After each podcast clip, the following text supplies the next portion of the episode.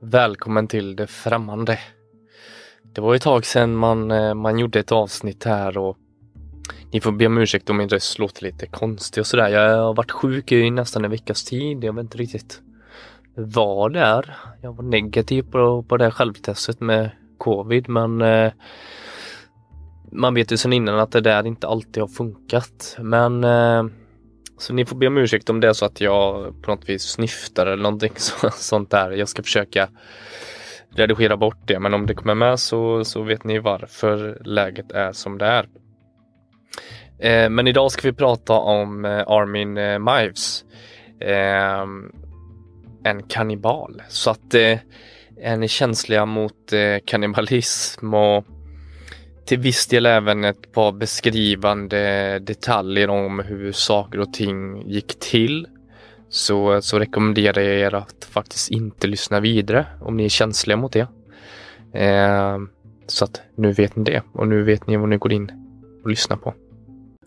Army Mives var ju ganska intressant för att eh, han var en man med eh, som alltså till en början av sitt liv hade en normal uppväxt. Han hade båda sina föräldrar och eh, bodde bra ute på landet i ett väldigt stort hus. Men hela den här biten vände ganska snabbt för honom. När han var åtta år så eh, hör han att någon sätter sig i bilen. Han kollar runt och han ser att det är hans pappa som sitter i bilen. Han ropar på honom men får inget svar. Och han ser att hans pappa börjar köra iväg. Han springer efter bilen, skriker allt han kan och gråter. Hans pappa kollar aldrig mer tillbaka. Ger han inte en blick. Och det här Armin Mives liv börjar ändras. Och han beskriver det som att det, det här eh, hans liv börjar ändras på riktigt. Han eh, är kvar med sin mamma som är väldigt kontrollerande. Och med tiden så bygger det här upp fantasier om att han har på något sätt en, eh, en fantasikompis som är en pojke då. Som han eh, genom åren liksom alltid såg vara vid sin sida. Som alltid var med honom i vått och torrt. Och när tonåren kom så började han bygga upp en, en sexuell fantasi om den här eh, vännen då. Och eh, han såg det som att för att han alltid ska känna någon typ av connection med någon så behöver han äta någon. Men för att backtracka lite eller egentligen fast-tracka in i storyn direkt. Så um, den 10 december 2002 så uh, kommer polisen till hans hus i, i Rottenburg i Tyskland. De har fått ett tips från en student från Österrike eh, om att i det här huset så kan det finnas en kannibal och en mördare. Så de besöker huset med en husrannsakan och i det här huset så hittade en ganska snabbt i köket fanns det en frys. Och i den här frysen så var det liksom en Först var det vanligt kött från djur. Och sen var det liksom en platta under där för att dölja det som är under och där var det då kroppsdelar från en människa. Det tillhörde en man som hette Brand Barnes.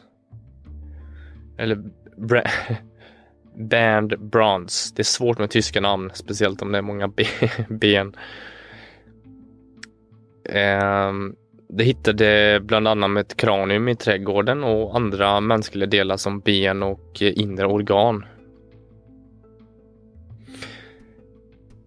Och det sjuka med det här är att de hittar inte bara kroppsdelar utan de hittar även filmmaterial.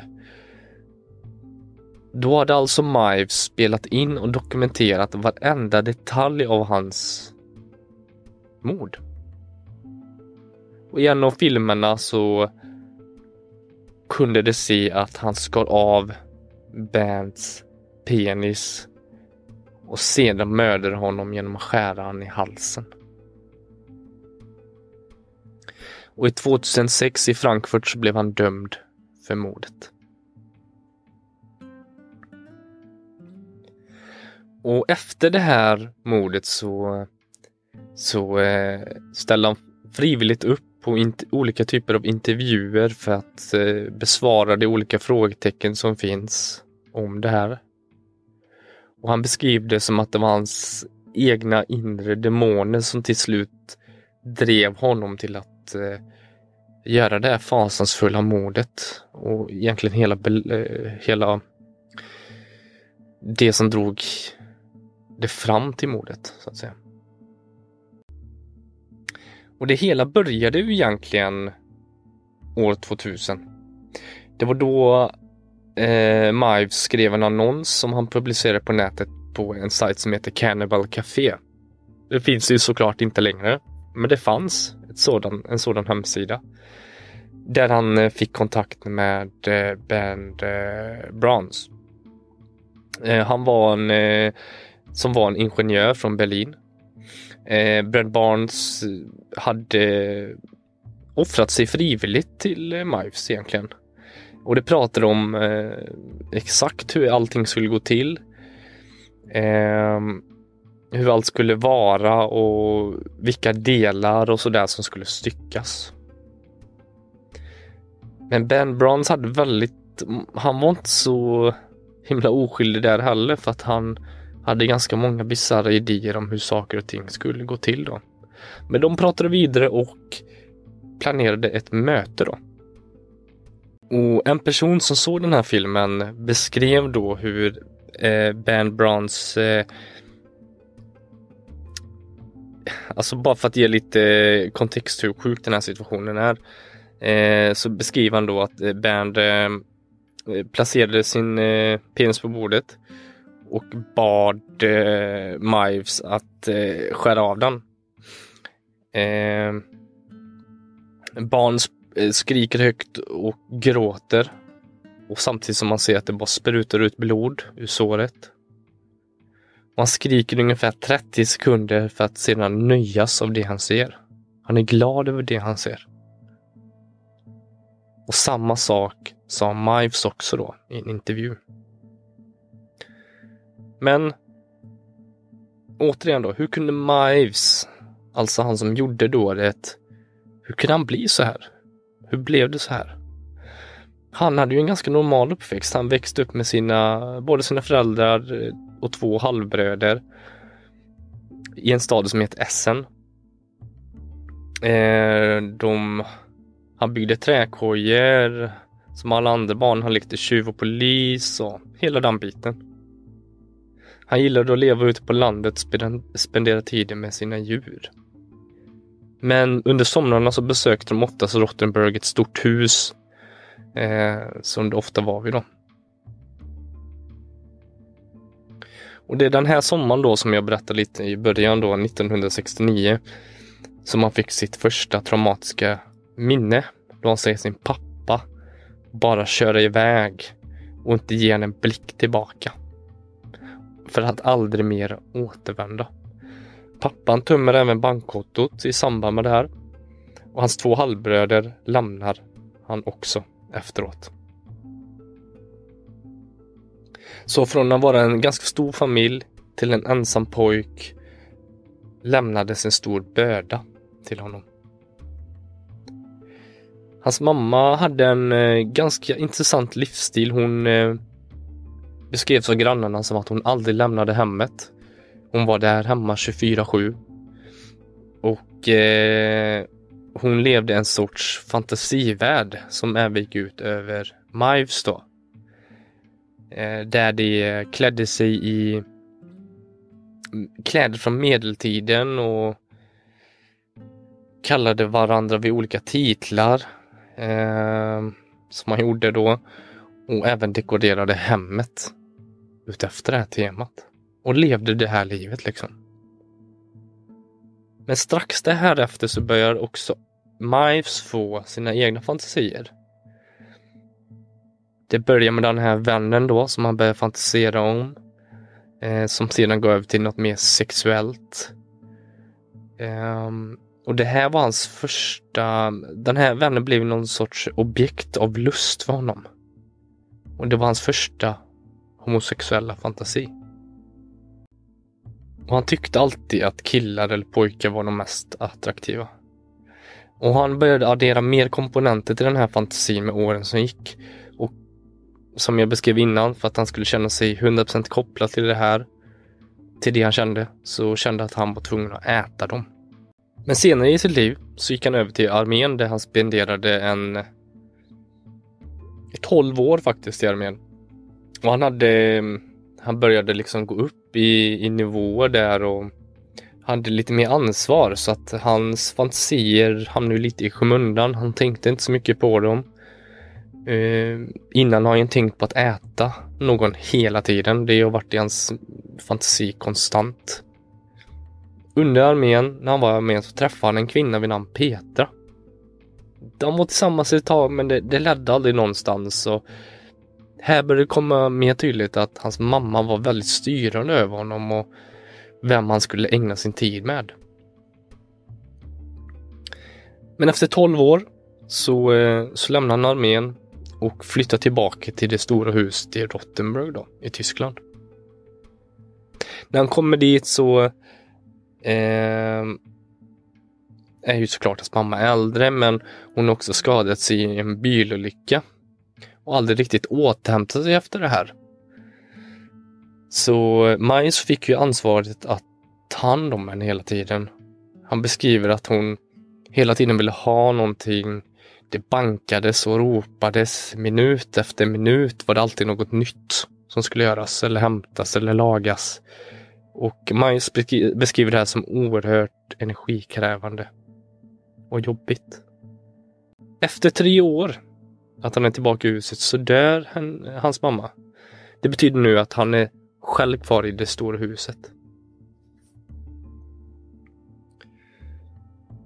Nu var han helt själv och den sista personen som kontrollerade honom var död. Och det är efter det här som saker och ting börjar spinna iväg. Ändlösa nätter satt han och skrev i forum, pratade med andra kannibaler, letade efter potentiella offer som ville ställa upp för hans fantasi om att bli uppäten. Inte långt efter det här så började han skriva till personerna som ville bli uppätna och möttes upp. För det fanns personer som faktiskt annonserade i det här forumet om att de ville bli uppätna. Men många av de här personerna, eller i princip alla, backade ur i slutändan. Men mitt under allt det här så ser han en annons från Band Bronze. Eh, som även, som jag beskrev innan då, hade extrema fantasier och även en fetisch där han gillade att ta emot extrem smärta. Speciellt mot sitt, sin penis. Och en ganska extrem smärta. Och det här de eh, mycket av de sjukare detaljerna kommer komma. Faktiskt. Och de, de här detaljerna har man fått av eh, en fyra timmar lång video. Men även då ett berättande om Mives. Så man vet den här storyn. Det möts upp eh, på tågstationen nära Rottenburg. Det kör till Mives hus. Och direkt när de kommer in i huset så börjar Bernd att klä av sig. Och det är för att visa Mives hans middag, beskriver han. De går upp till, över, eh, till andra våningen. De har sex. Men eh, Ben Browns var inte så... Han var ganska missnöjd. För att han tyckte Mives, Army Mives då, inte kunde ge honom den smärtan som han behövde. Så eh, Browns började faktiskt att han åker tillbaka till stationen. Han ville ha skjuts tillbaka för att ta sig till Berlin där han bor. Men då hade Mives ändrat sig. Han hade beslutat sig, okej, okay, jag ska göra det du säger. De, de köper sömnpiller och hostmedicin. Eh, förmodligen en ganska stark hostmedicin då. För att underlätta för Mives att skära av hans penis. Eftersom han skulle vara lite mer tröttare då. På, på, på eh, samma dag, på kvällen, så eh, hade Band Brandt bestämt sig och han kunde inte vänta längre. Han bara ser till han skär av den Och första försöket gick inte så bra för kniven var slö. Så eh, Majus hämtar en, en annan kniv och eh, skär av den och det går betydligt snabbare. Och det här kan man se i filmen också då som beskrivs. Att eh,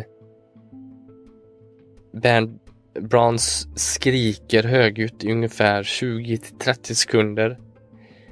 Men när han återhämtat sig så är han lycklig för att han ser blodet bara spruta iväg från såret. Men efter ett tag så tycker han inte det gör ont längre och han blir besviken. Det var inte vad han förväntade sig. Han trodde det skulle göra mer ont. Och eh, det, det, är vid den här punkten som han ber Army Mives att eh, gå till köket, skära penisen i två delar och tillaga. Och det gör han. Han kok, börjar med att koka den för att rengöra den. Han eh, lägger den i stekpannan och börjar steka den och lägger till salt, peppar och, och vitlökspulver. Men han beskriver det som att eh, köttet var så färskt att eh, det bara skrumpnade ihop. Det gick inte att äta det. Och Brans var faktiskt besviken då. Han som faktiskt hade förlorat sin penis, för han skulle ju äta den. Han ville äta den. Eller dela dem. Och eh, alltså han har ju förlorat jättemycket blod vid den här eh, punkten. Det har ju liksom varit ett stort öppet sår under flera minuters tid. Eh, så att han börjar frysa allvarligt. Så eh, Miles förbereder ett varmt bad för honom där han kan ligga och ta det lugnt. Och där låg han ungefär i två timmar. Och efter två timmar så ropar han eh, på Mives och Majs Mives är tvungen att avbryta sitt läsande. Han har under tiden då alltså legat i sin säng och läst en Star Trek-bok. Så eh, avslappnad är han med den här situationen. När Mives kommer in i badrummet ser han han ligger i, i, i badkaret i sitt egna blod och är helt överlycklig för att han ser att han ligger i sitt blod. När han går ur badet så faller han ner på golvet medvetslös. Mives tar hans kropp till ett annat rum och där svävar Brans mellan medvetande och omedvetande. Till slut så äh, faller han ner på golvet. Och äh, för att han ställer sig upp några gånger och sådär men till slut faller han ner. Och då står Mives där med kniv mot hans strupe och tvekar. Men till slut så tar han beslutet och skär han i halsen. Så han dör. Och det är där han dör. Eh, och då börjar han stycka kroppen, lem för lem, organ för organ. Och förvara delarna, fryser ner dem och äter dem emellanåt. Och han sparar dem åt bra tillfällen eller fina tillfällen till att äta det här köttet. Då. Och under flera månaders tid så åt han 20 kilo kött av brons. Efter det här mordet så började han söka efter mer offer. Han ville ha mer. Det här krävde, den här fantasin var inte, den var inte uppfylld som han ville. Det var inte riktigt det här han ville göra. Han ville inte riktigt mörda någon men samtidigt så ville han Hans fantasi var mer liksom att slakta en kropp och eh, äta det. Det var inte mördandet i sig han tyckte om. Så han ville leta efter mer offer. Och det var då han stötte på en, en student från Österrike som mejlade honom och frågade hur många män han hade slaktat. Och då besvarar han Maves då och säger med självklarhet att eh, han har erfarenhet och eh, du hade inte blivit den första. Då anmälde den här studenten honom till polisen. Och fem månader senare kom polisen till huset med en husrannsakan. Då anträffar det kroppsdelar från eh, brons och film på när dådet gjordes. Och eftersom det inte fanns någon lag i Tyskland om att kannibalism inte var tillåtet blev först Mives dömd för dråp med 8,5 års fängelse. Men efter ett överklagande så blev han dömd för mord. För att videon var ett bra bevis. På, där såg man att eh, Brons fortfarande andades när eh, han skar han i halsen så han dog. Den här videon var så grov att de kunde inte kolla mer än eh, 19 minuter i, i rättssalen då. Av den fyra timmar långa videon. För att folk började, och efter den här videon så började de som sådan kolla, gå, gå i terapi och sådär för att de har men för livet efter det de har sett. För att han dog på ett så oerhört eh, ohumant sätt. Som han på något vis eh, ville göra för hans högsta sexuella fantasi det var att eh, bli, bli uppäten och eh, ta emot extrem smärta. Men det fick han inte göra i slutändan för att han dog av i princip blodförlust. Han var ju typ omedvetandet när han skar av halsen på honom. Han var ju i princip redan död där. Och det här är storyn av Armin Mives, kannibalen i Tyskland, i Rottenburg. Med det sagt, så jag hoppas att du inte om storyn. Kort och koncist, eh, så som jag gillar att ha det. Och jag ska försöka lägga ut mer avsnitt, men som ni märker så kommer det komma med jämna mellanrum. så jämnt det kan bli i alla fall. och eh, jag hoppas att ni lyssnar på de andra avsnitten också. Följer podden och eh, ger, ger ett betyg så jag vet hur ni känner. Så får ni ha det jättebra. Ha en jättebra vecka. Ta hand om er. Hej!